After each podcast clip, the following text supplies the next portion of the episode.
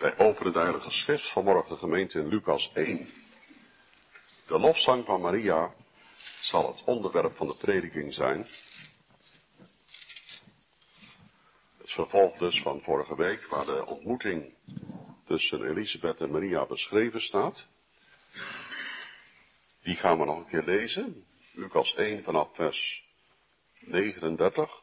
En Maria opgestaan zijnde in diezelfde dagen, reisde met haast naar het gebergte in een stad van Juda, en kwam in het huis van Zacharias, en groette, Elisabeth. En het geschiedde als Elisabeth de groetenis van Maria hoorde, zo sprong het kinderke op in haar buik. En Elisabeth werd vervuld met de Heilige Geest. En riep uit met een grote stem en zei, Gezegend zijt gij onder de vrouwen, en gezegend is de vrucht van uw buik. En van waar komt mij dit, dat de moeder mijns heren tot mij komt? Want zie als de stem van uw groetenis in mijn oren geschiedde, zo sprong het kinderke van vreugde op in mijn buik. En zalig is zij die geloofd heeft, want de dingen die haar van de Heere gezegd zijn, zullen volbracht worden. Wat een wonderlijk tafereel daar in dat stadje in Juda. Het lijkt wel alsof de dag begonnen is dat Juda steden herbouwd worden uit het stof. En dat God daar weer zal wonen naar zijn raad. En eeuwig aan Israël zijn volle gunst zal betonen. Wat gloort er hier een dag voor het volk van Israël. Wat wordt hier voor Joden hoop, licht, vreugde geboren. Twee Jodinnen staan tegenover elkaar. Er is geen sprake meer van een generatiekloof tussen deze oude vrouw en dat jonge meisje. Ze zijn één in de lofverheffing aan God. Ja, Galaten 5 vers 22. Eén in de liefde, één in de blijdschap, één in de vrede. Heb je het wel eens meegemaakt in je leven? Die eenheid met een kind van God? De blijdschap en activiteit is de liefde. En de blijdschap en rust is de vrede. Nou, dan mag je het zeggen. Wat is het meest begerenswaardig? De blijdschap en activiteit? Liefde? Of de blijdschap en rust? Vrede. Dominic zou ze geen van tweeën willen missen. Ik ook niet.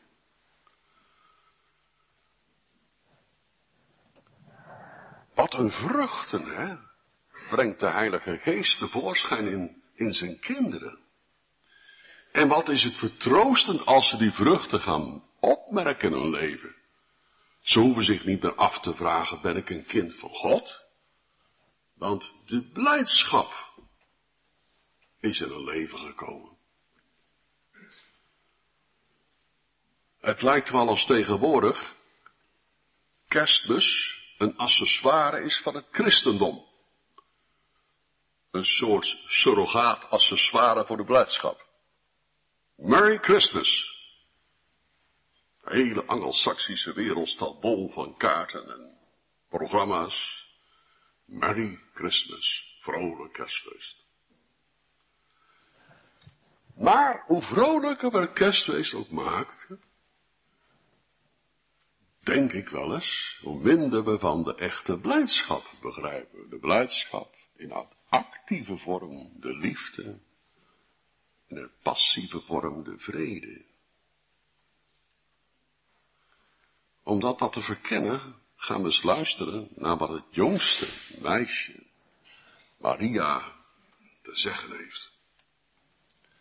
Zij is zojuist overschaduwd door de Shechina, de heerlijkheid des Heren. En vervuld werd wat de engel had aangekondigd dat ze zwanger zou bevonden worden uit zijn heilige geest. En als reactie daarop springt Johannes de Doper in de buik van zijn moeder op van vreugde. En raakt Elisabeth vervuld van de Heilige Geest. En begint ze alsmaar Gods werk te prijzen in dat jonge vrouwtje tegenover haar. En terwijl ze daarmee bezig is, groeit bij Maria de lof. Ze raakt geheel vervuld wat God aan haar deed. Vers 49 zegt, grote dingen heeft aan mij gedaan, hij die machtig is. We denken dan te simpel als we zeggen, Maria vond het zo geweldig wat er met haar gebeurd was. Dat is niet de bedoeling. Ze denkt aan God. Ze is bij God. En vanuit God, Heere, grote dingen heeft u aan mij gedaan. Dus Maria was niet met zichzelf bezig, maar was met God bezig. En dit is een buitengewoon belangrijk punt in de lofzang van Maria. In onze tijd is er een christendom wat de accessoire heeft van de lofverheffing en de lofprijzing, waarbij je kunt lofprijzen en lofverheffen los van God. Het gaat immers om het blijde gevoel, om de vreugde die je helemaal doortrilt en doorstraalt. Wat is nu eigenlijk de bijbelse vreugde? De hemelse vreugde. Luister. En Maria zei, mijn ziel maakt groot de Heere. Ze ging buiten zichzelf naar God toe, die ze ook niet gezien hadden, net zo min als wij jongens, als we 16, 17 jaar zijn, de leeftijd van Maria. Ze ging toch naar God toe, in het geloof, in het weten dat Hij er is. Dat is immers zijn naam. Ik ben en ik zal zijn. Ze ging naar God toe in gedacht en ze zegt, mijn ziel maakt groot de Heere. Misschien zou een kind kunnen zeggen, hoe kan dat nou dominee? God is toch al groot? Hij kan toch niet groter gemaakt worden? Nou, je hebt gelijk. Ze bedoelde dan ook niet te zeggen dat ze God groter wilde maken, maar dat zij de grootheid van God wilde vertellen. Zoals ik vroeger op de lagere school heel stoer stond te doen over mijn vader. Mijn vader kan alles. En dan begon ik het allemaal op te doen wat mijn vader kon. Ik stond op het schoolplein op de lagere school vroeger mijn vader groot te maken. En, en trouwens, mijn, oudste broer ook, hè, maar die kon ook van alles. Iemand groot maken wil zeggen dat je grote dingen over iemand vertelt, die, die al lang groot vindt. Mijn vader. En mijn broer. Ja, dat je dan zelf ook een beetje in het licht van je vader en je grote broer staat te groeien, dat komt er misschien bij. Maar het gaat vooral over hen. Toch? En dat is zeker het geval als de Heilige Geest in ons de blijdschap verwekt, de Bijbelse vreugde. Als vrucht van het werk van de Heilige Geest. Het is niet zo dat we onszelf vergeten. Het wordt geen rooms-katholieke mystieke extase. Het wordt geen boeddhistische, hindoeïstische extase. Je blijft met beide benen op de grond staan. En je heft heilige handen omhoog. En je verheugt je in God, je zalig maken. Mijn ziel maakt grote heren. En mijn geest verheugt zich in God, mijn zaligmaker. Nu heb ik dit jaar toch weer een ontdekking gedaan. Het is toch wat, hè? Al zo vaak hierover mogen preken. En nooit geweten waarom dat woordje verheugt zo ontzettend belangrijk is. Mijn geest verheugt zich in God, mijn zaligmaker. Dat woord verheugen is een werkwoord. Blij zijn is geen werkwoord. Maar verheugen wel. Dus activiteit. is de activiteit van de liefde.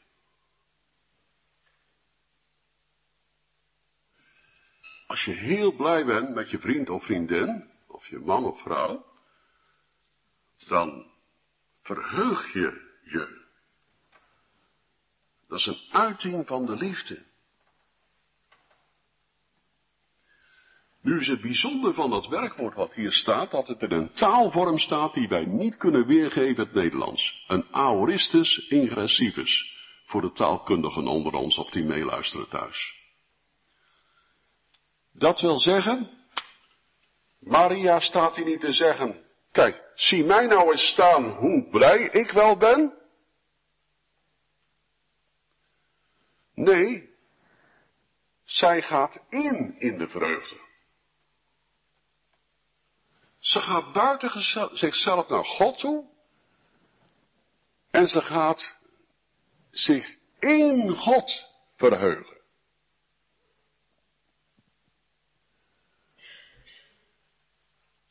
Ze gaat als het ware bij God staan.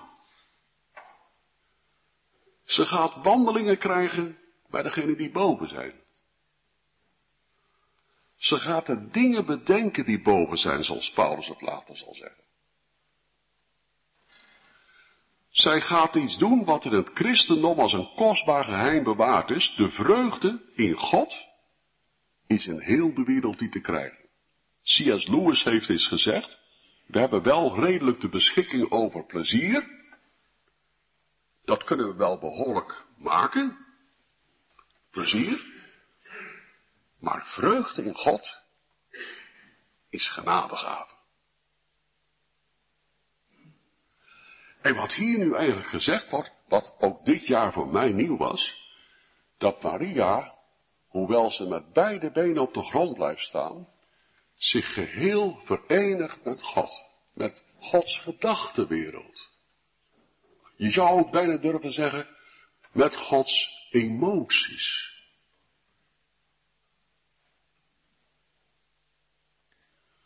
Ik las van de week Waarom zijn onze gebeden vaak zo oppervlakkig? Omdat we bidden zonder dat we werkelijk bij God gaan staan en vanuit God gaan denken. We maken ons niet één met God. We zitten in de kamer achter onze tafel en we bidden voor en na het eten en we zeggen het lesje op. Zonder dat we echt aan God denken. En vanuit God denken. Toen dacht ik, dat is waar. Dat is waar. En dan maar klagen over gebrek aan geestelijke groei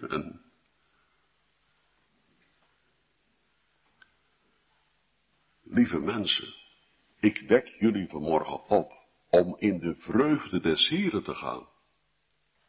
Want dat is tenslotte de diepe betekenis van mijn geest verheugt zich in God. Maria ging de vreugde des Heren binnen. Wat overigens ook de toekomst zal zijn van u en van mij, als wij de Heer Jezus liefhebben en volharden tot het einde, want dan zullen we straks in, komt in gij gezegenden, gaat in in de vreugde uws Heren.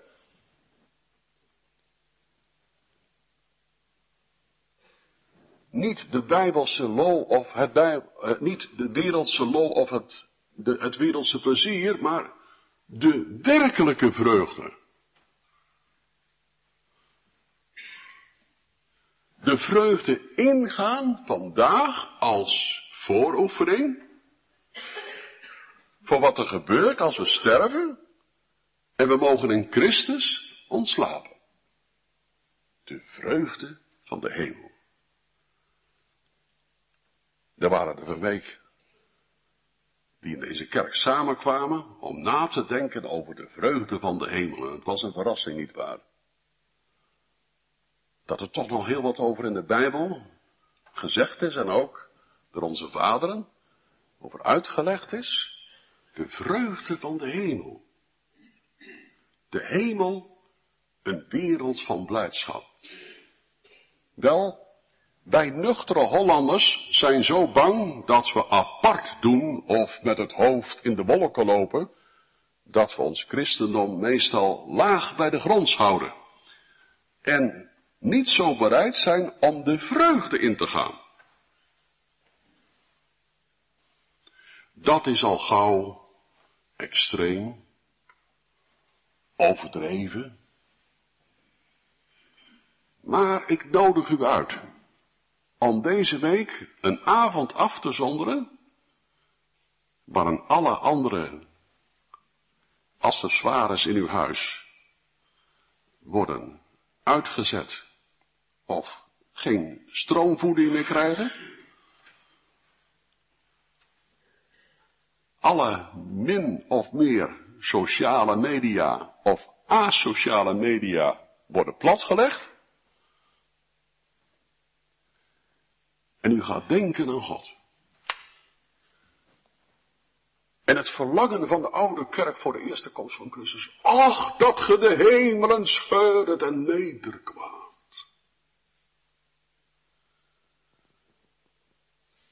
Wat heeft die mensen bezield? Dat hartstochtelijk verlangen naar een redder, naar de komst van de verlossende Messias, Jezus Christus. En toen God de hemelen scheurde. En in het zuizen van een zachte stilte. De conceptie plaatsvond in de moederschoot van Maria.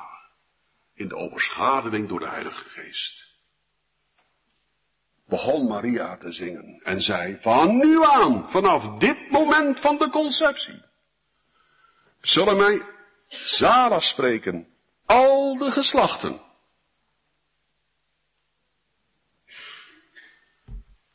Matthäus had ze genoemd, hè?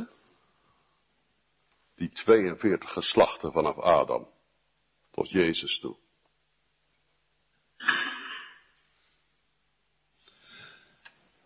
Maar het gaat natuurlijk nog veel verder, hè? Want ze eindigt haar lofzang met Abraham en de belofte, de verbondsbelofte aan Abraham. Maria zingt hier iets buitengewoons uit. Waar de Heilige Geest in Genesis 12, vers 3 had bekendgemaakt over Israël, Abraham's zaad. Wie u zegenen zal ik zegenen. Wie u vervloeken zal ik vervloeken. Want uit u zullen al de geslachten van het aardrijk gezegend worden. Dat begint hier. Al de geslachten van het aardrijk zullen van nu aan gezegend worden. Eindelijk, eindelijk is Gods belofte heerlijk vervuld. De Verlosser, die het allemaal gaat waarmaken, is gekomen.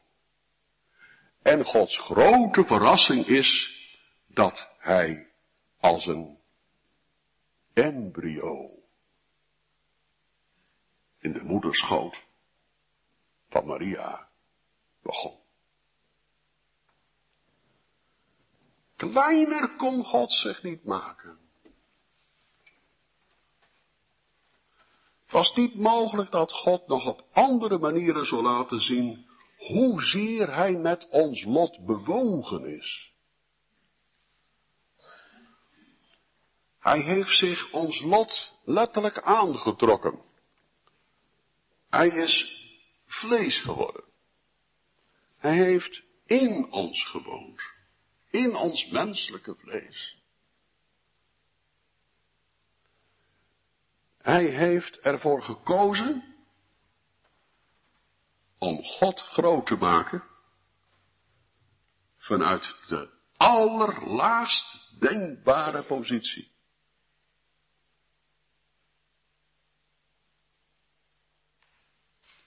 Ongelooflijk. Ongelooflijk wat hier gebeurt. God heeft de lage positie, de nederheid van zijn dienstmaag Maria aangezien. En dan heeft Maria het niet over zichzelf, van kijk mij eens. Ik ben zo'n nederig meisje, nee, nederigheid wordt hier helemaal niet bedoeld, maar haar lage status Ze hoorden bij de laagste sociale klasse. En dat God mij in die laagste sociale klasse heeft aangezien. God groot? Is die groot. God koos niet voor de adel te Jeruzalem. God koos niet voor de keizerlijke familie in Rome. Hij koos voor die afgehouwen tronk van Isaïe. Om een scheut daaruit voor te brengen. Wat een blijdschap. God ziet om naar hetgeen in de wereld niet geacht wordt. Ben u dat?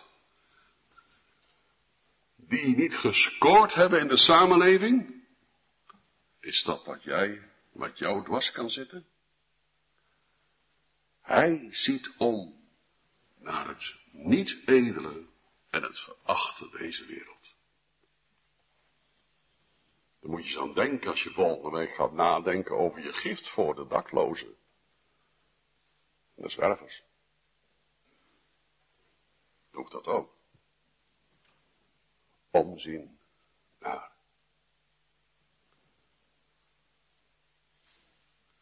Weet je die blijdschap die Maria hier in haar hart ontvangt, heeft een hemelse oorsprong. En hoe weet ik dat? Wel, als de blijdschap van God komt, gaat ze ook weer naar God terug. Dat is ook in een hele goede relatie tussen mensen zo. Als de blijdschap actief wordt in de liefde, dan komt hij altijd terug. En als die blijdschap niet meer zo actief is, omdat de geliefden alsmaar ouder worden en soms stokoud worden, dan kan er toch aan de keukentafel die stille vrede zijn, de blijdschap in rust. Mooi, dat, dat,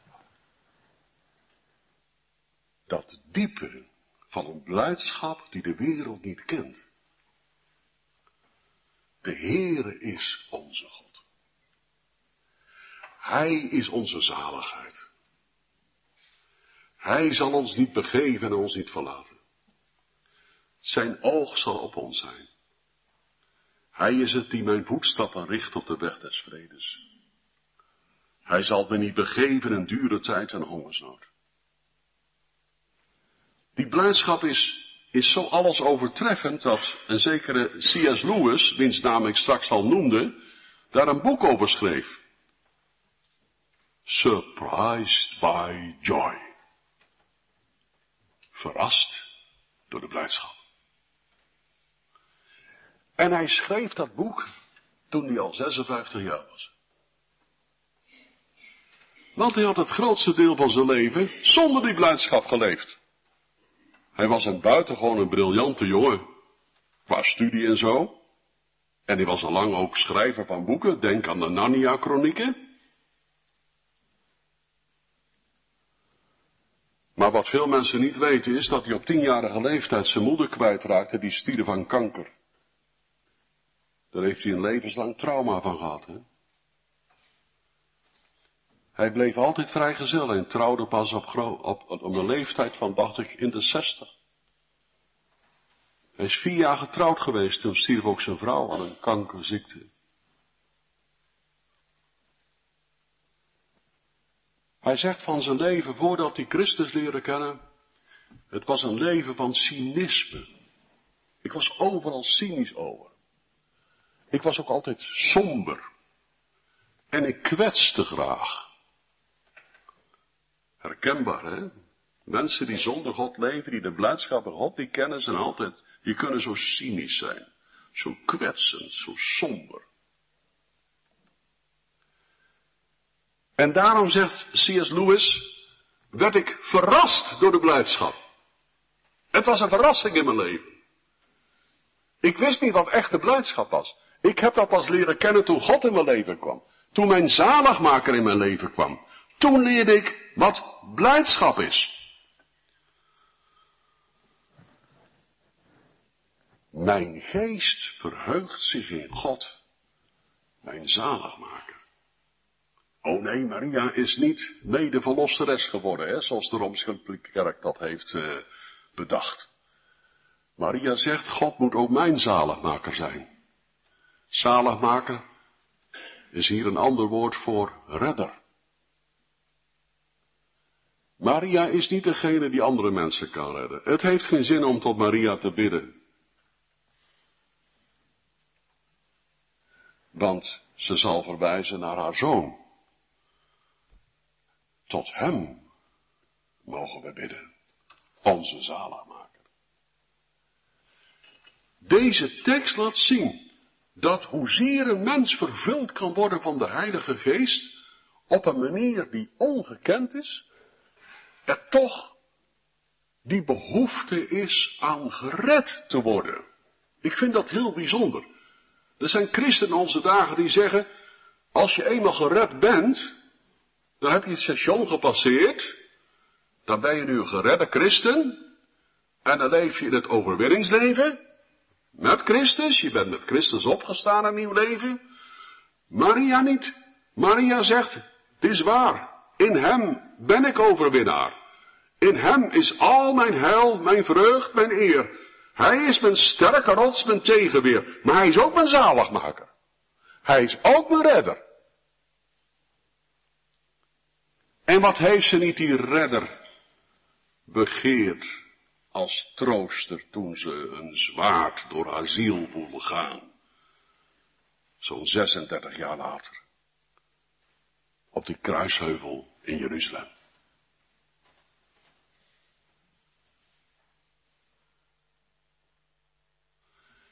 Mijn geest verheugt zich in God, mijn zaligmaker, omdat hij de nederheid van zijn dienstmaagd heeft aangezien, van nu aan, vanaf het moment dat ik overschaduwd werd door de Heilige Geest, zullen mij zalig spreken, al de geslachten, Abraham en zijn zaad, tot in der eeuwigheid. Weet je, ik zat te denken van de week aan die vraag die na de pauze kwam, na de Bijbellezing. Wat doen wij nu in de hemel? Wat doen we nu in de hemel? Toen ging het over zingen. Toen ging het over met elkaar praten. De grote werken van God in het verleden bespreken en van zijn toekomst. Ik had in de lezing het zo proberen te zeggen. Toen de hemel op aarde daalde op de berg der verheerlijking, spraken Petrus, Johannes, Jacobus, Mozes en Elia met Christus over zijn uitgang te Jeruzalem. Destijds zijn lijden, sterven, opstand in hemelwaarde. En misschien mogen we het zo zeggen dat nu in de hemel gesproken wordt door de engelen, door de gezaligden, die bij Christus zijn. En de Heer Jezus over zijn ingang in Jeruzalem. Als hij straks zal verschijnen aan de kin van de tijd op de wolken des hemels. En vrede zal op aarde dalen. God heeft in de mensen welbehagen. En bijzonder de mens in Israël. Hij zal zijn voetstappen zetten op de Olijfberg ten oosten van Jeruzalem. En alzo zal geheel Israël zalig worden. De verlosser is uit Sion gekomen. Het hemelse Sion. En zal nu de goddeloosheden van Jacob, de kinderen van Israël, afwenden. En dit zal mijn verbond zijn, zegt de Heilige Geest. Wat een vreugde. Wat een zaligheid. Heeft God weggelegd. Ook voor Israël vandaag benauwd omringd aan alle zijden, bedreigd, maar niet verloren.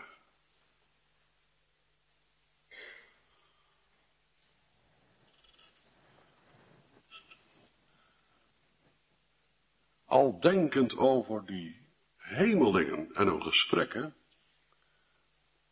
en bepaald worden bij de lofzang van Maria, om daarover te preken vandaag, kwam het als een lieflijke waarheid mijn leven binnen. Wat Maria in deze lofzang zegt, dat zou zomaar in de hemel vandaag gezegd kunnen worden. Maar ik bedoel dan dit. De hemelingen zullen deze lofzang nog veel beter begrijpen, bevatten, doorzien. Nog met een groter verlangen. Daaruit spreken met elkaar. Mag ik u eens meenemen? Ze zien Jezus op de troon. Zoals hij is. Mijn ziel maakt groot de Heere. Mijn geest verheugt zich in God, drukt het aan zijn borst.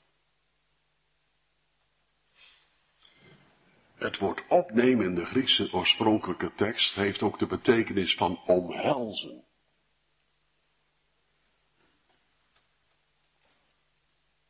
Heugelijke tijding. Bron van hartsverblijding. Aan Israëls ellend komt een eind. Als Jezus op die dag Israël zijn knecht zal opnemen, opdat hij gedachtig waren aan zijn barmhartigheid, gelijk hij gesproken heeft tot onze vaderen, namelijk tot Abraham en zijn zaad in der eeuwigheid.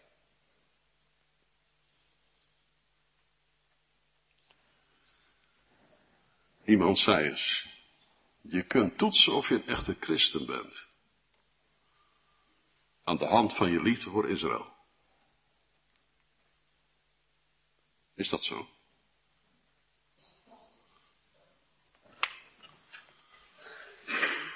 Nou, Paulus die zou zeggen, ja, de liefde voor Christus is nauw verbonden met de nauwste kring om de Messias, zoals professor van de Beek het zei, Israël. Hij is de eerstgeborene onder de volkeren. Ook die zoon is uit Egypte geroepen en zal in de toekomst nog weer uit Egypte geroepen worden. We hebben dat al eens eerder in een Bijbellezing gezien.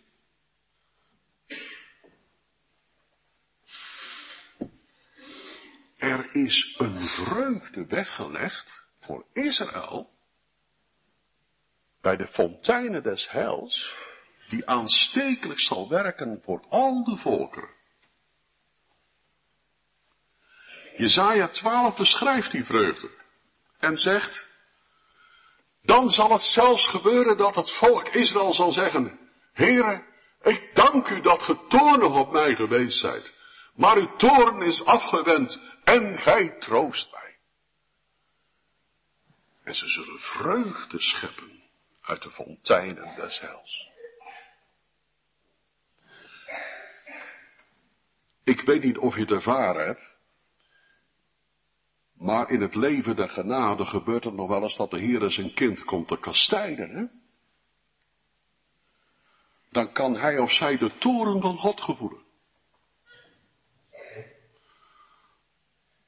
En dat geeft een grote druk.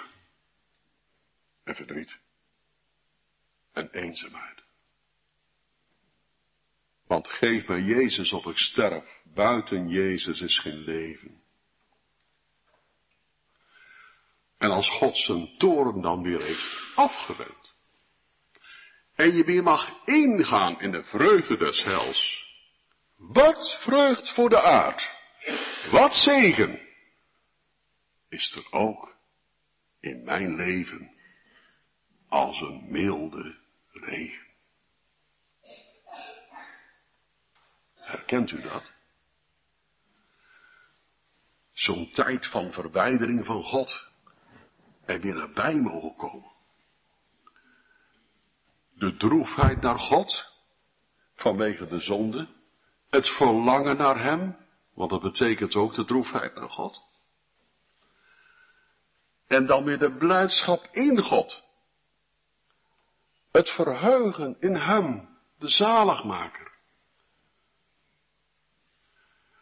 Nee, het is niet los van Christus verkrijgbaar.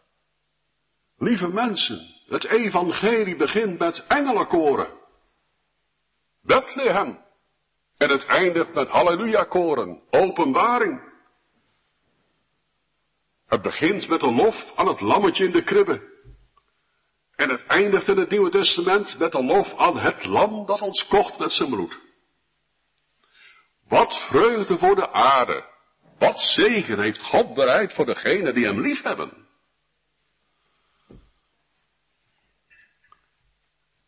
Ja, maar dominee, ik, uh, ik heb wel eens begrepen dat er eens iemand gezegd heeft. Als ik me niet vergist, was het een zekere Nietzsche, die goddeloze filosoof. Ik kon wel geloven in het christendom, als de christenen er maar weer wat meer verlost uitzagen.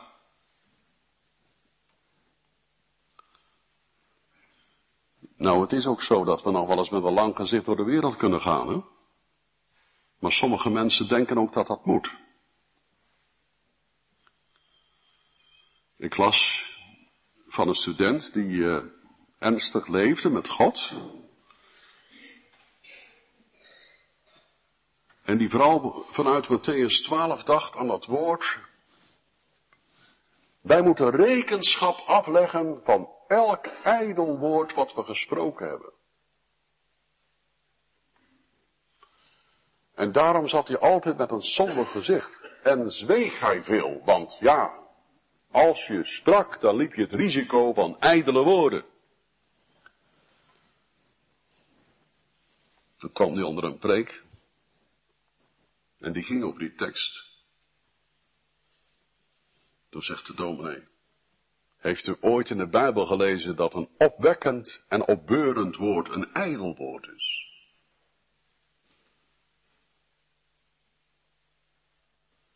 En dat brengt bij een belangrijk punt. Het is de ervaring van Gods kinderen door de loop der eeuwen heen. Dat als je geen vreugde in Christus in jezelf voelt, ervaart, ga dan met vreugde over Christus vertellen aan een ander. Wek een ander op. Beur een ander op. Spreek groot van God. Spreek goed van God. En u zult zelf weer gaan drinken aan de fonteinen des hels. Dit is een van die machtige genadele middelen die God geeft. Als Paulus zegt tegen de ouderlingen op het strand van Efeze, jullie moeten de armen, de hulpbehoevenden opnemen, omhelzen. Want je moet bedenken wat de Heer Jezus gezegd heeft, het is zaliger te geven dan te ontvangen dan heeft hij daarmee gezegd. Als je niks hebt om te geven, dat is niet erg. Want je mag doorgeven uit de hemel. Sommige christenen denken, hoe kan ik nu met vrucht over Christus spreken als het zo leeg is van binnen? Hoe kan ik nou de blijdschap in Christus uiten als er in mijn hart alleen maar een melodrama is of ontmoediging? Wij hoeven toch niet vanuit onszelf te putten. We mogen toch putten uit Hem. Wij mogen toch doorgeven uit de fonteinen des hels? Iemand schreef, als er geen vreugde in christenleven is, dan is de lekkage. Waar lekt het naartoe weg? Stop die lekkage. En bedenk de dingen die boven zijn waar Christus is. Want, zegt Maria, mijn geest verheugt zich in God, mijn zaligmaker.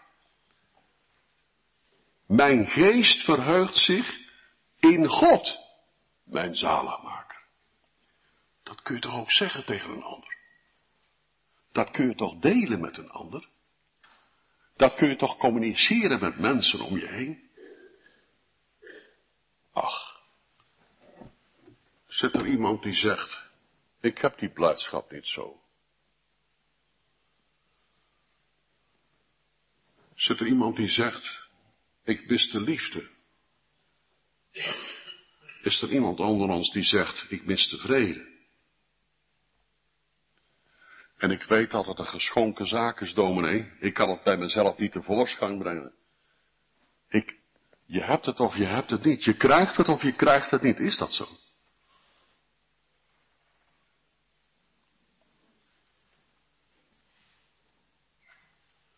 Zou God, die Israël zijn knecht zal opnemen in de toekomst, en die onze herder is, u niet willen opnemen, jou niet willen opnemen, omhelzen, aan zijn hart drukken. Het is toch Gods aard en karakter. Als Paulus zegt van mensen het is zaliger te geven dan te ontvangen, hoeveel te meer geldt dat van onze Heer Jezus Christus? Er mag alleen al blijdschap zijn, omdat je weet dat God gewillig is om je te omhelzen. Om jou aan zijn hart te drukken. Er kan alleen al blijdschap zijn bij de gedachte dat hoewel je het zelf niet hebt en niet kan maken, God het kan maken. Gij, Heer, gij zijt mijn God. U zal ik loven en prijzen, omdat gij het hebt gedaan. Amen.